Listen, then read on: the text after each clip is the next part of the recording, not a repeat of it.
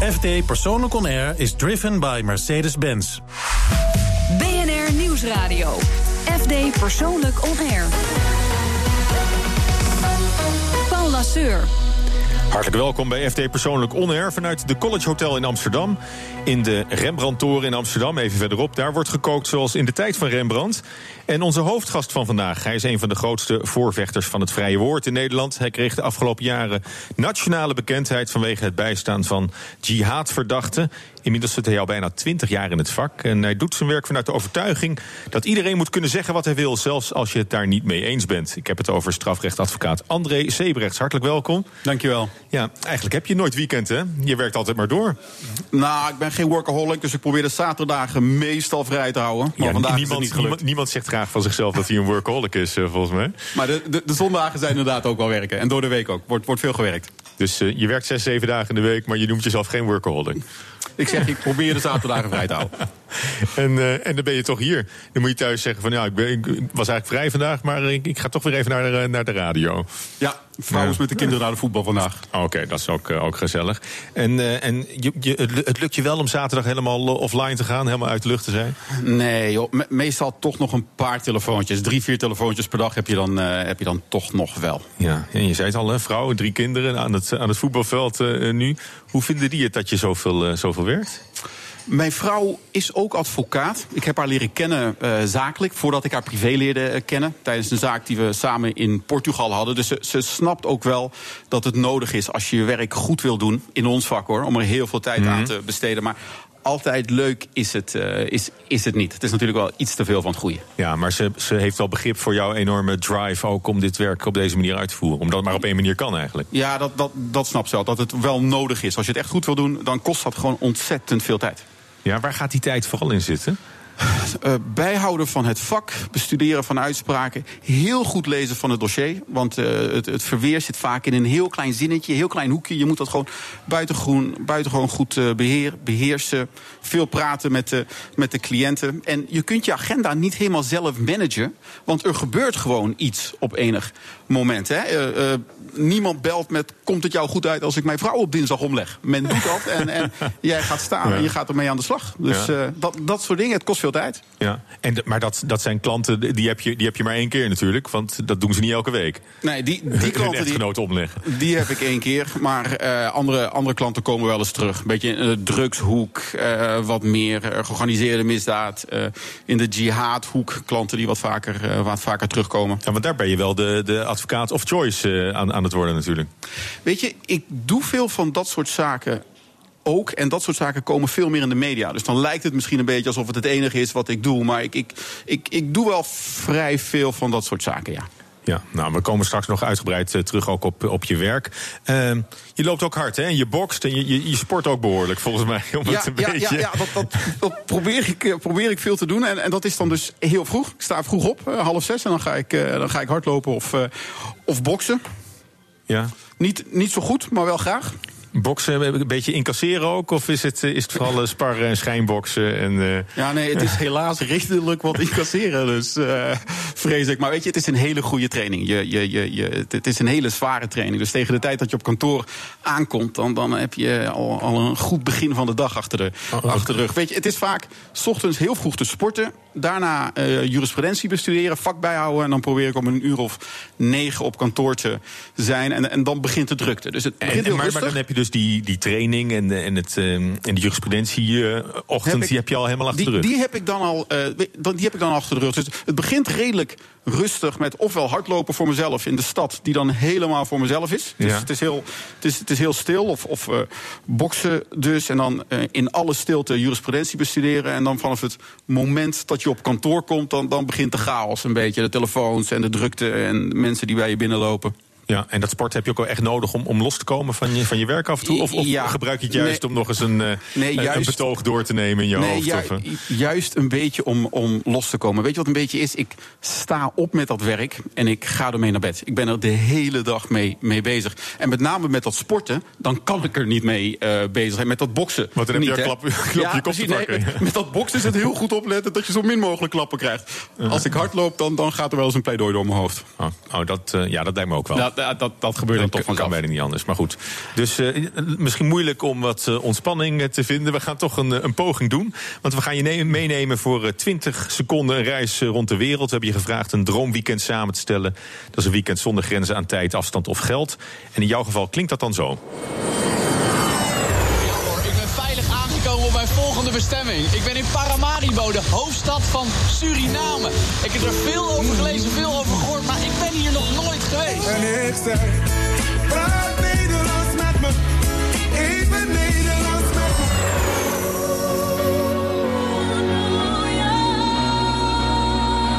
No life is complete without a visit to the Big Apple, New York City.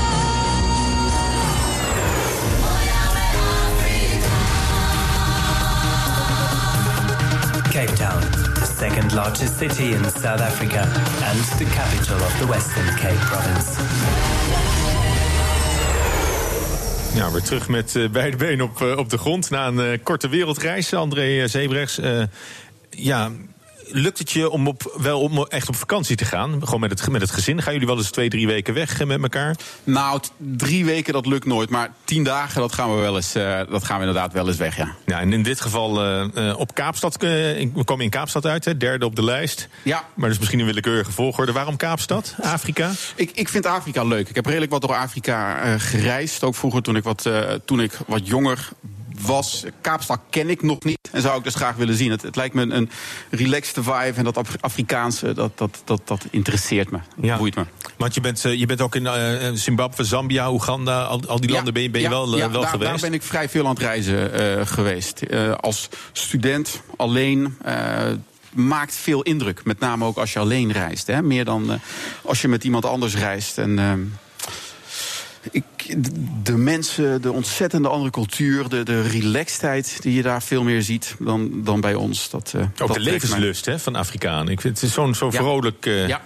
Volk ook. Eh. Tenminste, dat, dat is mijn ervaring in, nee, in dat Afrika. ben ik, ben, ik, ben ik met je eens. Ja. En met, met kantoor, jullie, jullie helpen ook straatkinderen in Oeganda. Hoe zijn, hoe zijn jullie bij, bij die- dat project uitgekomen? Wij, wij, eh, ons kantoor en het kantoor van Mark Turlings, een advocaat in Amsterdam, we hebben een stichting in, eh, in Oeganda. We hebben daar een pand gehuurd, we hebben een docent inhuurd een, en we hebben een kok en een eh, sociaal werker. En straatkinderen, die een stuk of 50, die komen daar elke dag. Die eh, krijgen te eten en eh, wondverzorging. Een soort eerste hulp, zeg maar, die we, daar, die we daar bieden. En als het heel goed gaat met die kindjes, gebeurt niet zo vaak hoor. Dan gaan ze naar een volgende stichting toe. Een, een soort opvangtehuis waar ze ook nachten kunnen doorbrengen. Maar bij ons is het alleen maar een dagopvang. Er is niet zoveel vertrouwen naar volwassenen toe. Dus dat gaat vaak niet zo makkelijk. Er zijn problemen met lijm, snuiven. Maar we, we proberen ze dus iets te eten te geven en, eh, en, en die wonden te verzorgen. Ja. Je was ook in, eh, in, in Paramaribo, daar ben je wel vaker geweest, hè? Ja, daar ben ik voor werk geweest, regelmatig. Eh, je weet misschien, daar komen redelijk wat drugs uit die, uit, uit die hoek. Dus daar zitten eh, de klanten. Daar, daar moet ik af en toe zijn voor, voor werk. En zodra ik land, dan gaat mijn hartslag met een paar slagen omlaag. Dat is ook zo'n relaxte plek is dat. En ook een mooi koloniaal centrum. Je kunt daar... En dat toch heel Nederlands ineens? En toch heel Nederlands. Je, je kunt daar in, in een café in een hangmat liggen en een boek lezen. Weet je, dat is zo relaxed. Dat, ik vind dat heerlijk. Bij, aan, bij dat water zitten en een beetje lezen. Dat, Beetje eh, rum drinken.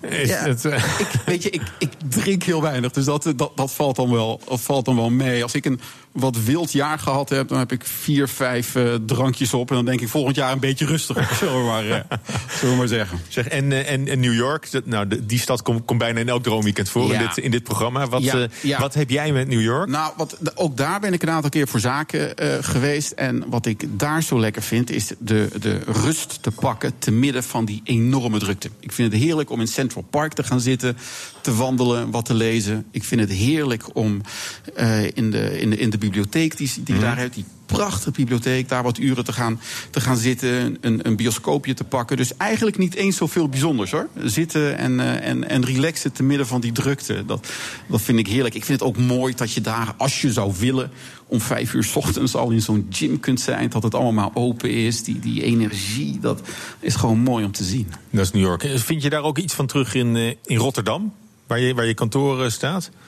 Ik, je, je hebt tegenwoordig. Zo'n Manhattan ook- aan de Maas, hè? Dat, ja, eh, nou, een klein beetje. En, en je ziet ook nu sportscholen die eh, 24 uur per dag open zijn. En eh, het, het- ja, het, het, je ziet die energie ook wel in, in, in Rotterdam. Ze hebben wel echt een werkstad, vind ik het hoor. Dus daarvoor hoef, je, daarvoor hoef je het land niet uit. En dan nee, eh, het is een beetje. hoef je ook het werk niet alleen te laten. Eh, Het is een beetje Rotterdam Plus, zullen we maar, eh, zullen we maar Rotterdam zeggen. Plus, eh, de Big Apple. Straks Ja. praat ik verder met mijn gast eh, André Zebrecht. BNR Nieuwsradio. FD Persoonlijk On Air. Vandaag is strafrechtadvocaat André Zebrechts mijn eh, gast. Eh, André, je spreekt eh, vloeiend Nederlands. Je hebt een Nederlandse naam, maar je bent geboren in Hongkong. Ja, klopt. Mijn vader werkte voor een multinational. Dus ik ben wat je noemt een expat. Oh ja, wat, Kind. Wat, ja, wat, wat deed je vader?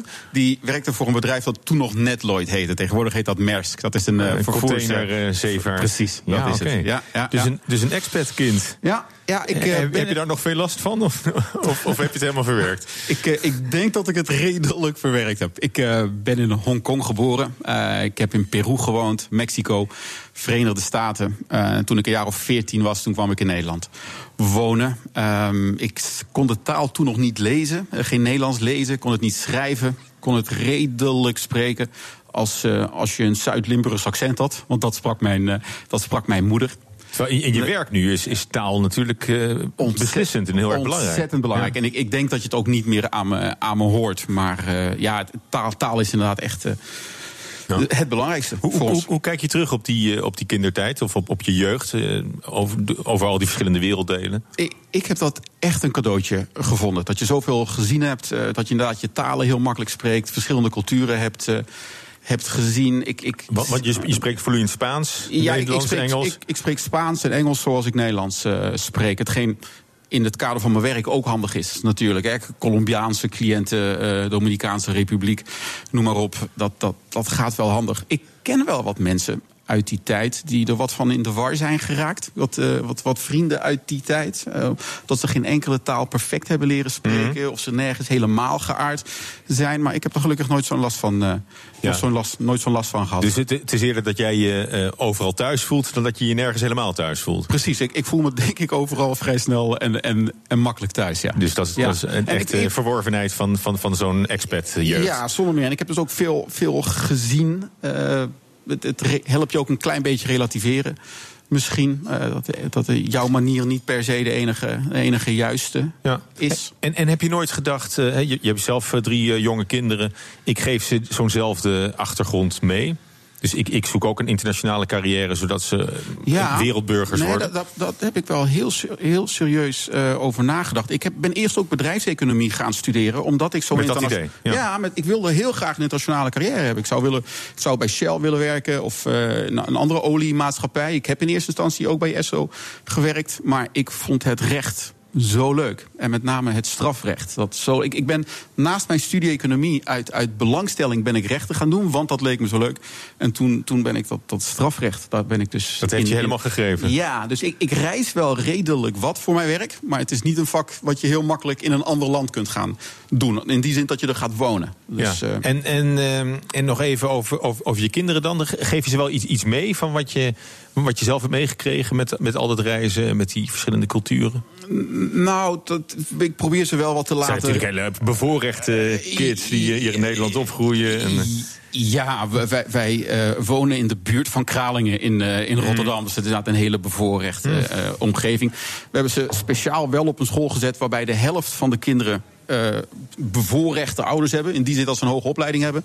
En de andere helft dat niet zijn. Ik probeer ze wel wat te laten relativeren. Te zien ook dat, dat er heel veel mensen zijn die het moeilijk hebben. En dat je die ook goed moet, goed moet behandelen. En als het enigszins kan, voor opkomen. ja, en, dat- en dat lukt je ook wel? Zie je dat terug in je kinderen? Eh, nou, nog niet zo.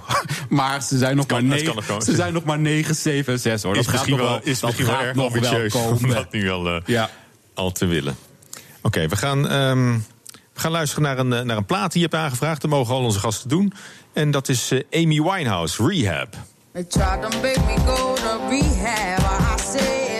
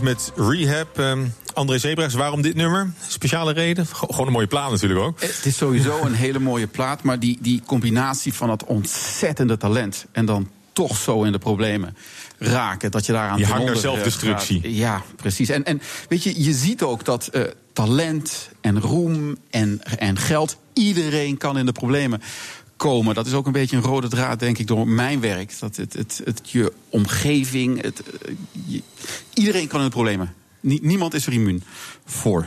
Oh, je zegt het bijna alsof je je ervoor afschermt. Van, van, nou, ik blijf een beetje weg bij, eh, bij, bij roem, Nou, en nou, geld en eh, nee, succes. Ik, maar ik realiseer me wel zeg maar, dat ik veel geluk heb gehad. Dat, ik had ook een van mijn cliënten kunnen zijn. We hadden allemaal een van mijn cliënten kunnen zijn.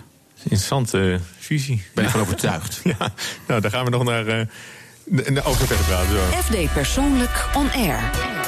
Paul Lasseur. Dus gaan we het hebben over eh, gadgets, beautyproducten, een foodtrend, een nieuwe hotspot of een auto. Elke week schuiven deskundigen aan om te vertellen wat het oog streelt, het hart raakt en de smaakpapillen prikkelt. Vandaag zijn dat eh, Job Ubbens, laatste week als eh, directeur van Veilinghuis Christie's. Straks Ubbens Art hè, gaat, eh, gaat live. En meneer Wat Etons is hier ook, die gaat over fermenteren praten.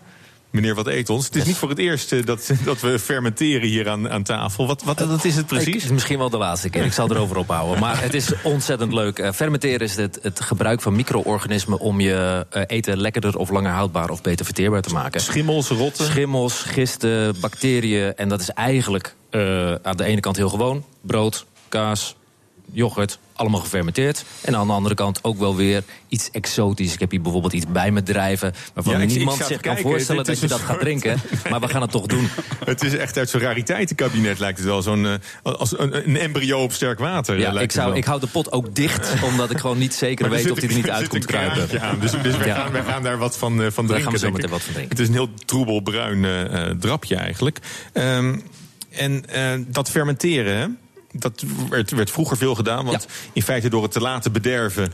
eh, kan het niet meer eh, bederven. Bederven, zo zou je het kunnen zien. Als, je, als Dus het jij goed. het laat bederven op de manier waarop je wil... en dat noemen we dan geen bederven, dat noem je dan fermenteren... Ja. maar maken andere concurrerende, ziekmakende micro-organismen geen eh, kans meer. Hè. Yoghurt wordt zuur gemaakt, melk wordt zuur gemaakt... door melkzuurbacteriën, daardoor is het yoghurt. En omdat het zuur is, maken andere viezigheid maakt Ja. geen kans meer... en kun je het lang, lang houdbaar houden. Maar goed, tegenwoordig met, met, met, met ijskasten en, en andere manieren natuurlijk om dingen langer goed te houden. Hebben we dat helemaal niet meer nodig? Misschien Eigenlijk heb je het niet meer nodig, nee. Nou- wa- waarom leeft het dan toch weer op? Waar, waar, waar komt die belangstelling vandaan? Aan de ene kant, eh, wij, niet iedereen ter wereld heeft eh, ijskasten tot zijn beschikking. Dus voor sommige, in sommige delen van de wereld is het nog steeds bittere noodzaak om Mhm. deze vorm van conserveren te gebruiken. Maar eh, een stukje vlees uit de koelkast smaakt echt anders dan een gedroogde worst. Gedroogde worst is gewoon heel erg lekker. En lekkerder dan een, een stukje vlees uit de koelkast. En, dus het is gewoon ook heel erg lekker. Is het- gezonder?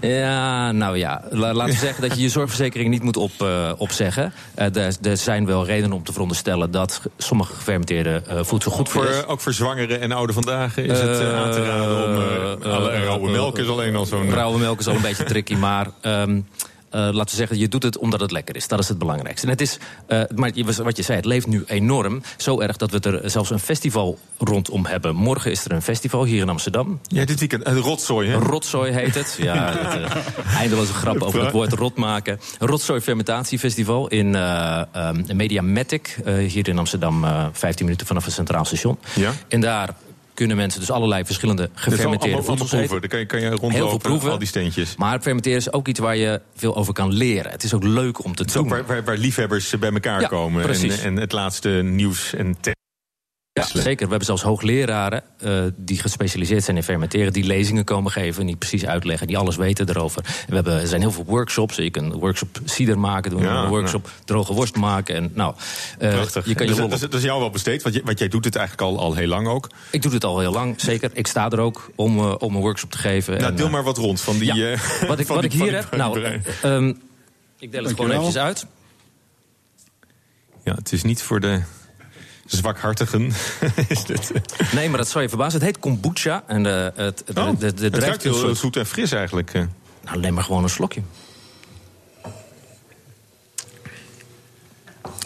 En dan zul je merken Het, het smaakt Dat heel het, eh, anders dan het, eh, dan het eruit zag in die grote, in die Het grote smaakt aanzienlijk beter dan het eruit ziet. Precies, ja, ja, ja. ja. En het is het, een appelsieder of zo? Of, eh? Nee, het is, ja, eh, kombucha heet het. Het is een theedrank, gebaseerd op thee. Je proeft ook een beetje die thee Mhm. op de achtergrond.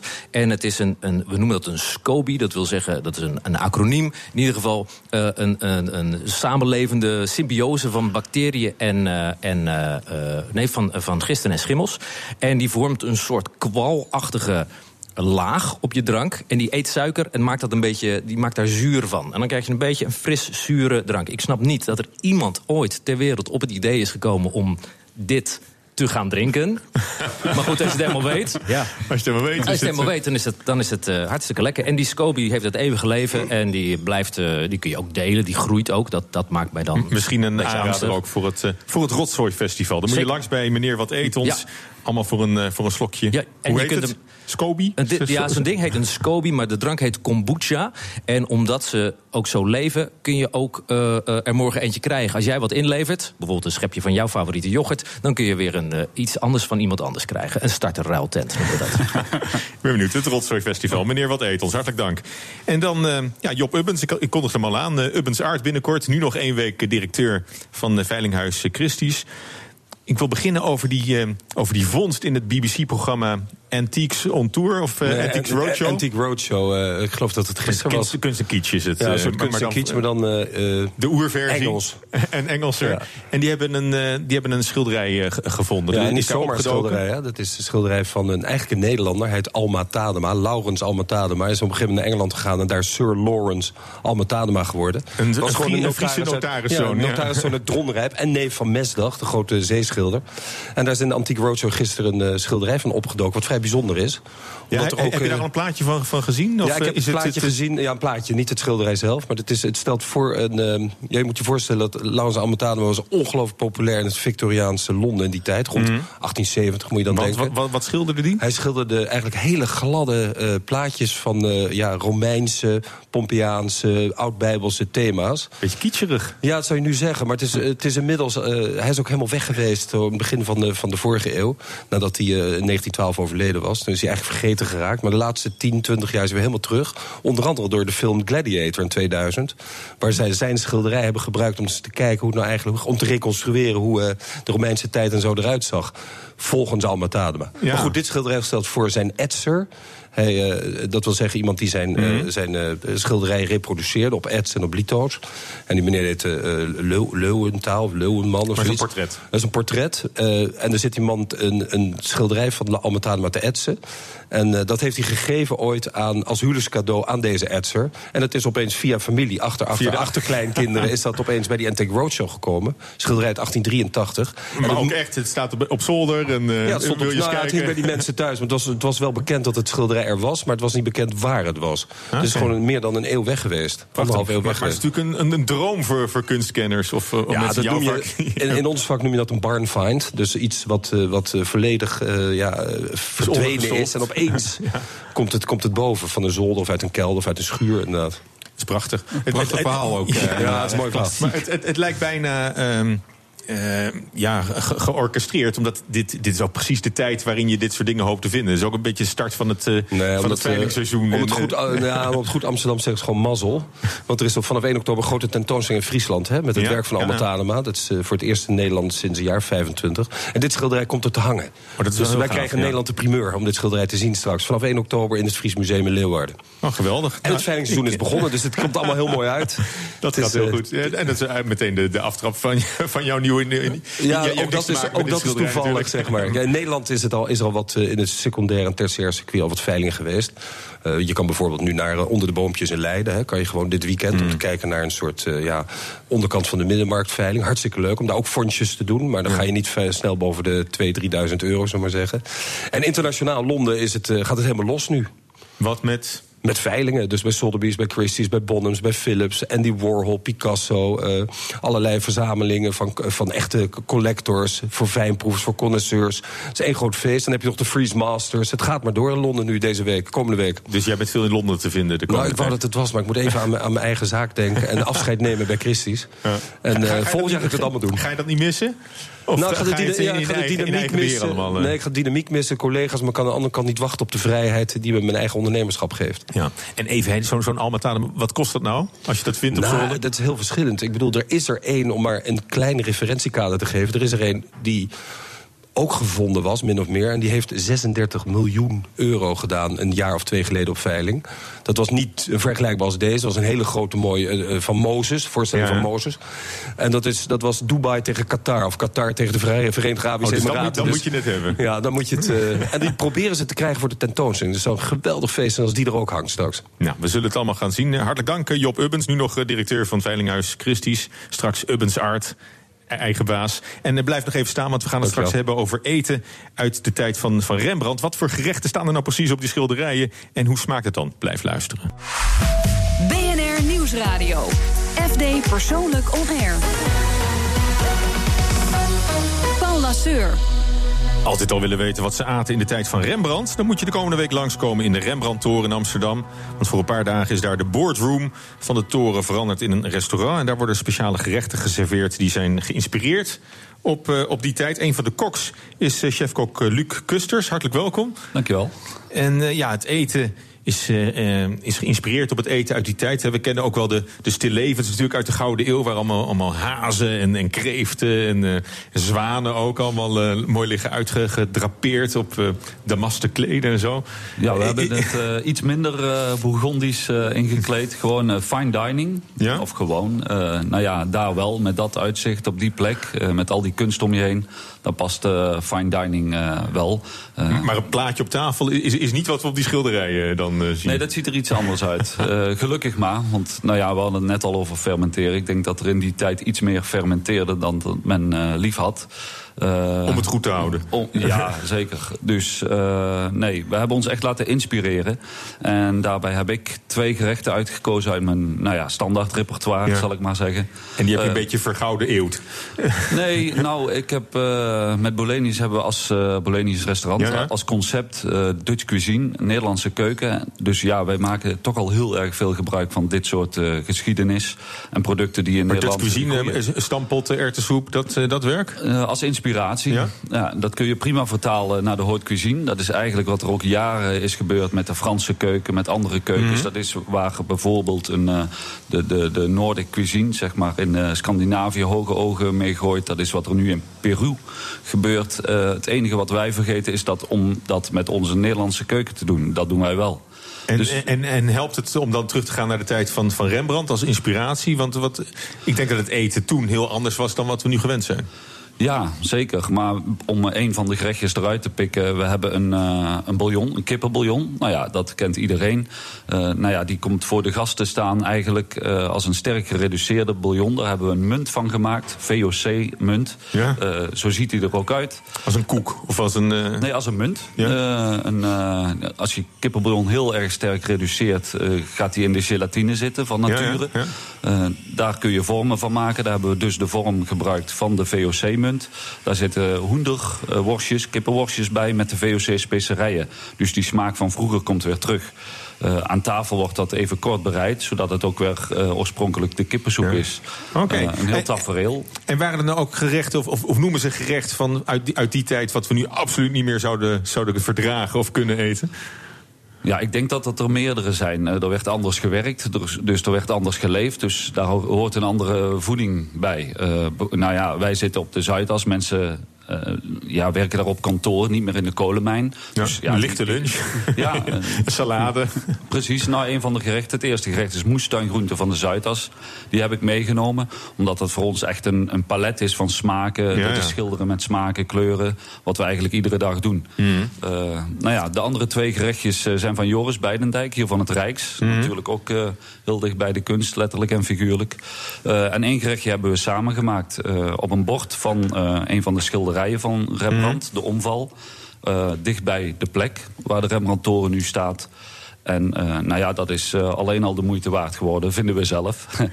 dus, maar al hele leuke reacties mogen ontvangen op de openingsavond Ja, ja. verleden maandag. meneer Wat Eet ons staat hier ook nog. Die is, die is helemaal into fermenteren en, en echt dat, dat, dat, dat zware eten, ook uit vroeger tijden. Ja.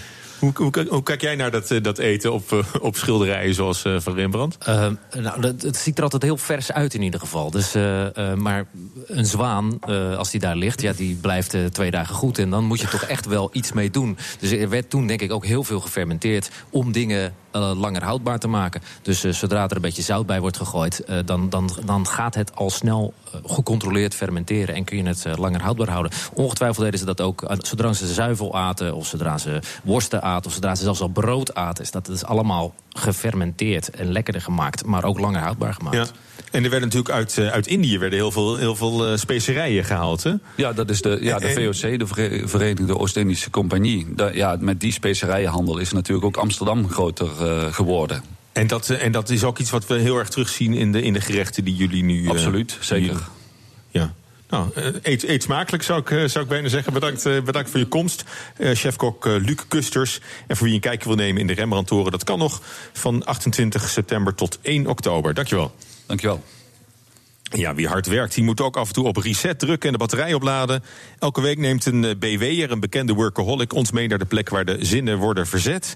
En eh, deze week is dat zijn naam viel al even. Joris Beidendijk. Hè. Voor de schermen is hij chefkok van eh, restaurant Rijks in Amsterdam. Achter de schermen is hij hardloper, niet de enige. We hebben er meer aan tafel. Uh, Jico Kranten wachten hem op afgelopen zondag bij de finish van de Dam tot Damloop. Morgen bij de start door de nieuwe directeur en door de... Kijk eens, daar is hij. Gefeliciteerd man. Dankjewel. Namens BNR een bosje zwart-gele bloemen. Hoe ging het? Ah, ja, bij 10 kilometer knakte ik. Wat is je tijd? Eh, ik denk mijn doel gehaald. Binnen de 1.30. Kijk eens even.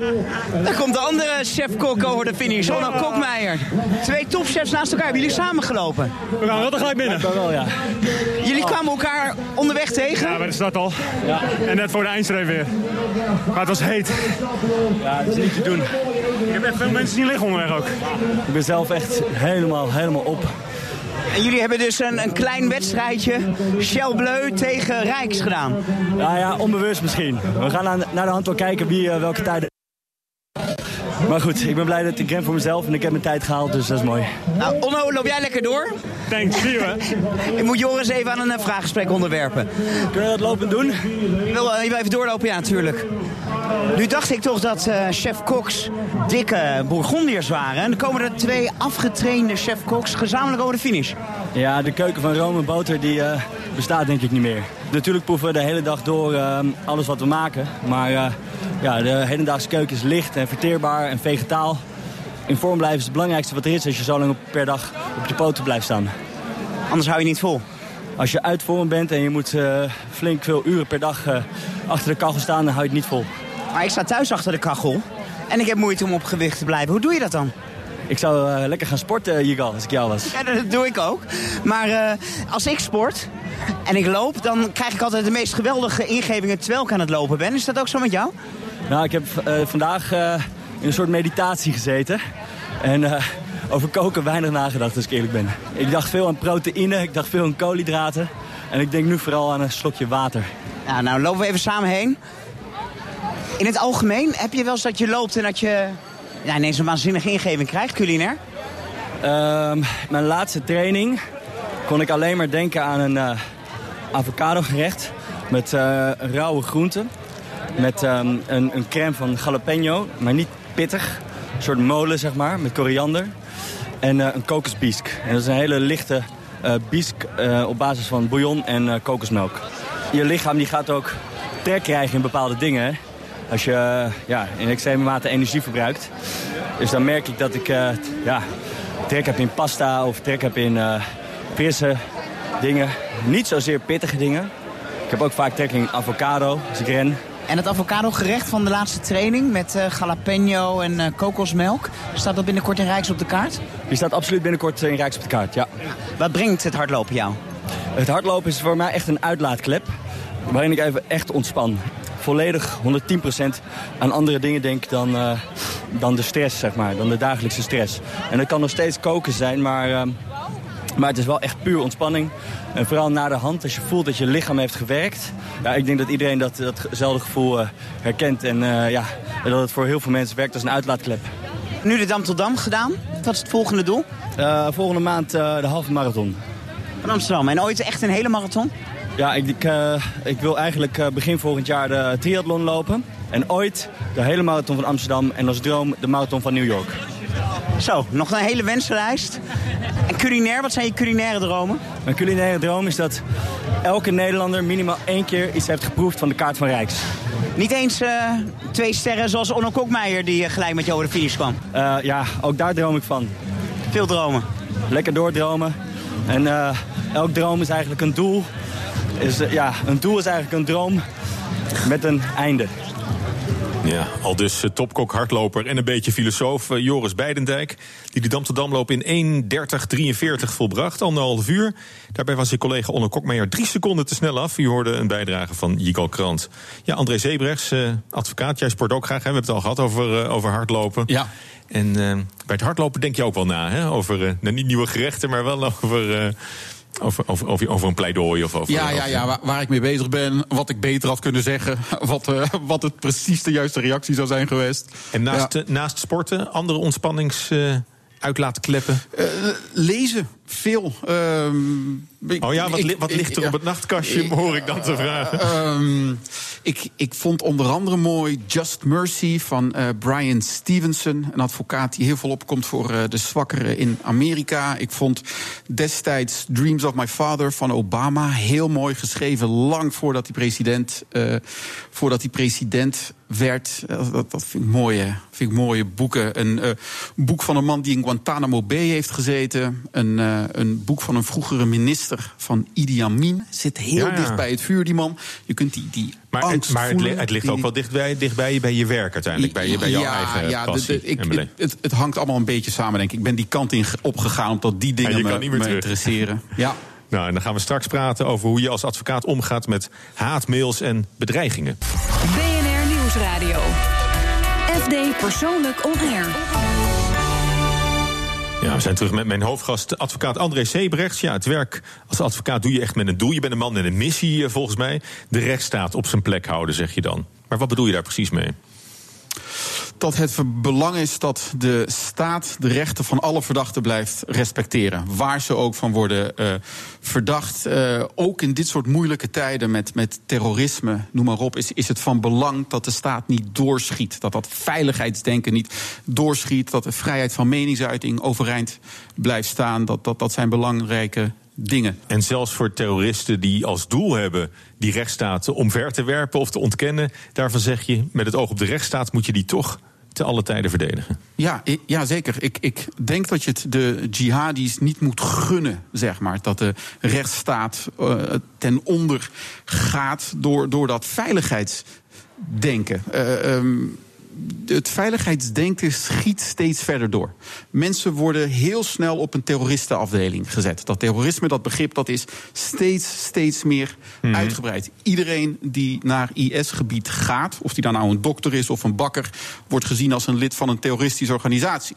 Als jij geld overmaakt naar een kind van jou in IS-gebied, word jij ook al gezien op als een terrorist. En kom je op zo'n terroristenafdeling terecht. Als jij zegt, ik ben voor IS, dan is dat al een misdrijf tegenwoordig. Ja. Dat, dat, dat, En- dat en- is en dan opruim- word je in de gaten gehouden. En, en nou, zeker word je in de gaten gehouden. De, de, eh, de AIVD, onze geheime dienst, onze inlichtingendienst... heeft toegegeven dat ze telefoons van mij hebben afgeluisterd. Terwijl ik dus aan het praten ben met nieuws- in nieuws gesprekken. geweest, ja. Dat, dat eh, ge- gesprekken, eh, vrijheid van meningsuiting... is volgens mij buitengewoon belangrijk. Eh, Dus je, je- bent eigenlijk, eigenlijk ben je mensenrechtenadvocaat. zo beschouw ik mij wel. Ja. Ja, En je hebt, je hebt ook excuses gekregen van, van de minister hè, dat, dat je bent, bent. Want dat had, Ja, niet, had niet gemogen, dat, dat, hoort dat, niet. Dat had niet gemogen. Ze zijn daar te ver in, eh, ze zijn daar te ver in gegaan. dus dat is nu Eh, afgelopen. Ehm, ik, ik ga daar wel vanuit. Ik heb in ieder geval wel mijn voorzorgsmaatregelen eh, genomen. Oh, uit mijn, wat, wat doe je er tegen? nou, uit, mijn iPad en dergelijke is alles wat geluid kan opnemen, dat is eruit gesleurd. Alles is afgeplakt.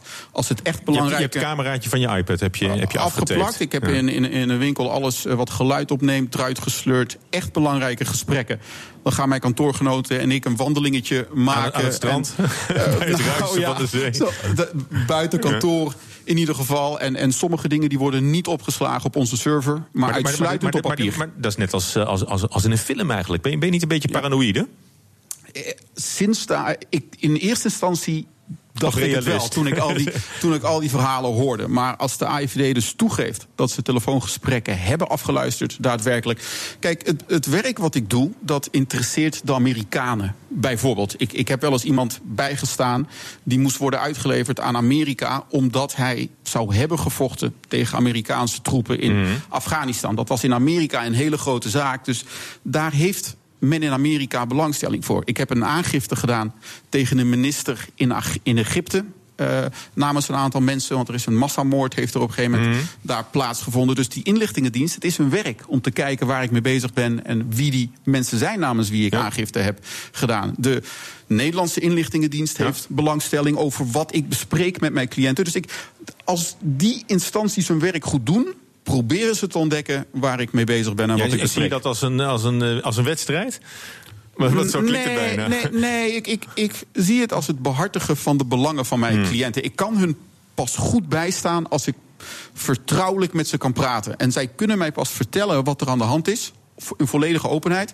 Als ze niet bang hoeven te zijn dat we worden, eh, dat we worden Maar, afgeluisterd. maar merk je dan ook eh, bijvoorbeeld toch nog een klikje aan de telefoon? Of als je al had opgehangen, dat je dan nog... Nee, wat ik wel een beetje heb, is als ik gewoon mijn krant aan het lezen eh, ben op mijn, op mijn telefoon of die iPad, dat ik dan dus inderdaad me afvraag of ze dan aan het kijken zijn naar dat iets te grote hoofd. Weet je, het is wel een beetje, een klein beetje Oh, onrustig. het speelt ook is in op het, je eh, ijdelheid, zeg maar. Sta- ja, sta ik er wel een beetje goed op als ik... Ook, ook, ja. En, en, en waarom jij? Ik bedoel, waarom trek jij je dit aan? En waarom ben jij nou degene die, die de rechtsstaat moet eh, overeind houden? Eh, Ik ben er denk ik een klein beetje ingerold. Dat ik een aantal van die zaken heb gedaan. Die zijn goed gegaan. Het is een klein wereld. Veel van die jongens kennen elkaar en dan komen ze naar je, naar, naar je toe. Maar ik, ik voel wel dat het heel belangrijk is dat het individu... dat die wordt beschermd tegen de, tegen de staat. Tegen de machtige tegen de machtige staat. Die, die staat moet op zijn plaats, plaats worden gehouden. En, en als het zo is dat tegenwoordig mensen steeds minder mogen uiten wat ze zeggen. en het al snel een strafbaar feit wordt. dan glijden wij ook langzamerhand af naar. naar minder rechtsstatelijke waarborgen. Het is Mhm. op dit moment in Nederland heel goed geregeld. Er zijn niet zo heel veel landen zeggen wat je vindt, waar je mag zeggen wat je denkt. En het is belangrijk dat dat zo blijft. En, en daarom zijn er dus onder andere advocaten nodig die, eh, die dat in de gaten moeten Ja, blijven houden. jij opereert op de, op, juist op de grens van, van waar dat eh, nog zich afspeelt. Ja, nou, ik, ik probeer die grens dus te houden waar die nu is. Dat, dat is wat ik eigenlijk probeer te doen. Het is nu goed geregeld en het is belangrijk dat het goed geregeld blijft. De neiging is uit zichzelf om, om te zorgen dat we steeds minder mogen, mogen zeggen in deze tijden. Ja. Maar waar komt, waar komt dan die, die drive bij jou vandaan om dit, om dit te gaan doen? Want om, om, het, om, het, om het geld hoef je niet te doen, denk ik. Je krijgt er alleen Nee. maar een hoop ellende voor terug. Hè? Haatmails. Je, je nee, krijgt ook, je krijgt ook bedreigingen. Ik, ik, ik krijg regelmatig, eh, regelmatig bedreigingen, maar eh, per e-mail. Het is een beetje van deze tijd. Hè. Als iemand mij vroeger wilde. Wat, wat, wat schrijven ze je dan? Eh, landverrader, we moeten jou en je kinderen moeten allemaal worden geëxecuteerd standrechtelijk op grond van het oorlogsrecht. Eh, ik hoop dat er een drone op je hoofd valt. Eh, maar ook gewoon mensen die zeggen klootzak, klootzak, klootzak, hufter, hufter, hufter, klootzak, punt. En veel spelfouten. Dat, eh, Ja. dat hebben ze allemaal een beetje, een, een beetje gemeen. Nou, Maar, je, sta- je, sta- je staat er vrij laconiek bij, maar Nou, je, hebt wel een, je hebt wel een gezin. Ik bedoel, dat vinden Ja. ze thuis ook niet leuk, toch? Maar weet je, het is een klein beetje van deze tijd. Als, als men mij vroeger wilde uitschelden, moesten ze naar de Gouden Gids en een postzegel kopen en, eh, en, en, en een envelop kopen. Tegenwoordig zoeken ze me op op, eh, op, de, op internet en, en op, op onze website. En dan kunnen ze meteen jihad, lul, kunnen ze gaan typen. Dus, zo, eh, zo. Dus jij bent, daar, ik- niet- ik- je bent daar niet heel erg van onder de indruk. Nee, ik, ik relativeer het. Ik relativeer het wel. Ik denk dat er een beetje, een beetje bij. Als ze mijn kinderen erbij betrekken, dan, dan, heb ik er dan baal ik er wel. Maar je kijkt, je kijkt niet extra over je schouder.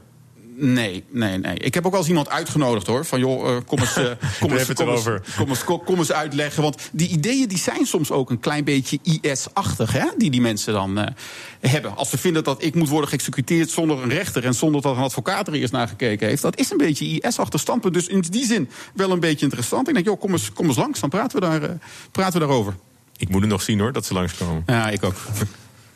We gaan eh, naar huis te koop. Wonen op een prachtige boerderij, maar die wel delen met twee andere gezinnen. Hoe is dat? Nou, woonvereniging Het Eiland die zoekt nieuwe medebewoners. Dat staat in de advertentie van een prachtige woonboerderij vlakbij Zwolle. En dat zinnetje triggerde verslaggever Toulaar. Want hoe is het om op zo'n prachtige plek te wonen, maar dan wel met medebewoners. Eigenaar Martin Klapwijk die geeft de rondleiding. We hebben een, denk een halve hectare in totaal. Boomgaarden, een stukje wild daar met een vuurplek. En uitzicht op de landerijen. Aan de linkerkant en rechterkant van deze grote boerderij wonen andere gezinnen. Ja. En aan, aan de achterkant zijn die tuinen toch een beetje afgescheiden. Ja, zoals in de stad eigenlijk. Dus je zou het ook kunnen zien als een drie onder één kap, maar dan onder een rieten kap. En we hebben allemaal ons eigen tuintje. Waar zit u het liefst? Ik zit het liefst bij de vuurplek daar aan de slootkant. Nou, voor even naartoe. Hier kun je op je hakken aan. Ja, ik heb hakken aan, heel dom natuurlijk. Ik doe even mijn schoenen uit. Het is toch lekker weer. Oh, hier is de vuurplek. Oh, wat gezellig. Hoe vaak brandt hier het vuur? Nou, toch wel. Eens in de zes of acht weken. We hebben vaak klusdagen met elkaar als woonvereniging. Om het te snoeien en te, al het onderhoud te doen. En dat sluiten we eigenlijk af met een vuur altijd. En veel wijn. Een woonvereniging, wat houdt dat eigenlijk in? We kunnen dit mogelijk maken om in zo'n groot pand te, eh, te leven door het gezamenlijk te doen. En wat we hebben gedaan is een vereniging oprichten. En die heeft dan eigenlijk het juridisch eigendom. En we hebben wel allemaal onze eigen hypotheek dan bij de bank. Ik denk wel eens met vrienden, en later gaan we samen in een heel groot huis wonen. Was dat het idee? Ja, we hadden wel een, een beetje zo'n beeld van nou, zo'n rolstoelvriendelijk huis. Hè. Je woont op de begane grond vooral. Van hier kun je oud worden. Dat was wel een beetje de droom die erachter zat, ja. En waarom gaat u nu verhuizen? We zijn gescheiden en ik heb een andere baan. eh, heel ver hier vandaan, namelijk in Utrecht. Dus ik wil eh, dichter bij mijn werk gaan wonen. Dit is, dit is echt wel dit is mijn favoriete plekje aan de slootkant. Met uitzicht op het hooiland wat net, eh, waar net het gras gemaaid is. Je ruikt het ook. Ja, en je hebt een prachtig uitzicht. En het is hier helemaal plat. En je hebt, als je hier zo in het weiland staat, heb je een enorm uitspansel boven je. Van wolken en soms blauw. Vandaag is het heel erg blauw. Ja. De vraagprijs is eh, 269.000 euro. Ik kan me voorstellen, hier moet een gezin komen wonen. Ja, eh, met je kinderen. En die kunnen dan buiten spelen, voetballen, slootjes springen. Ja, dit is een huis eh, voor kinderen. En hoe gaat dat dan? Want je wordt wel lid van de vereniging dan.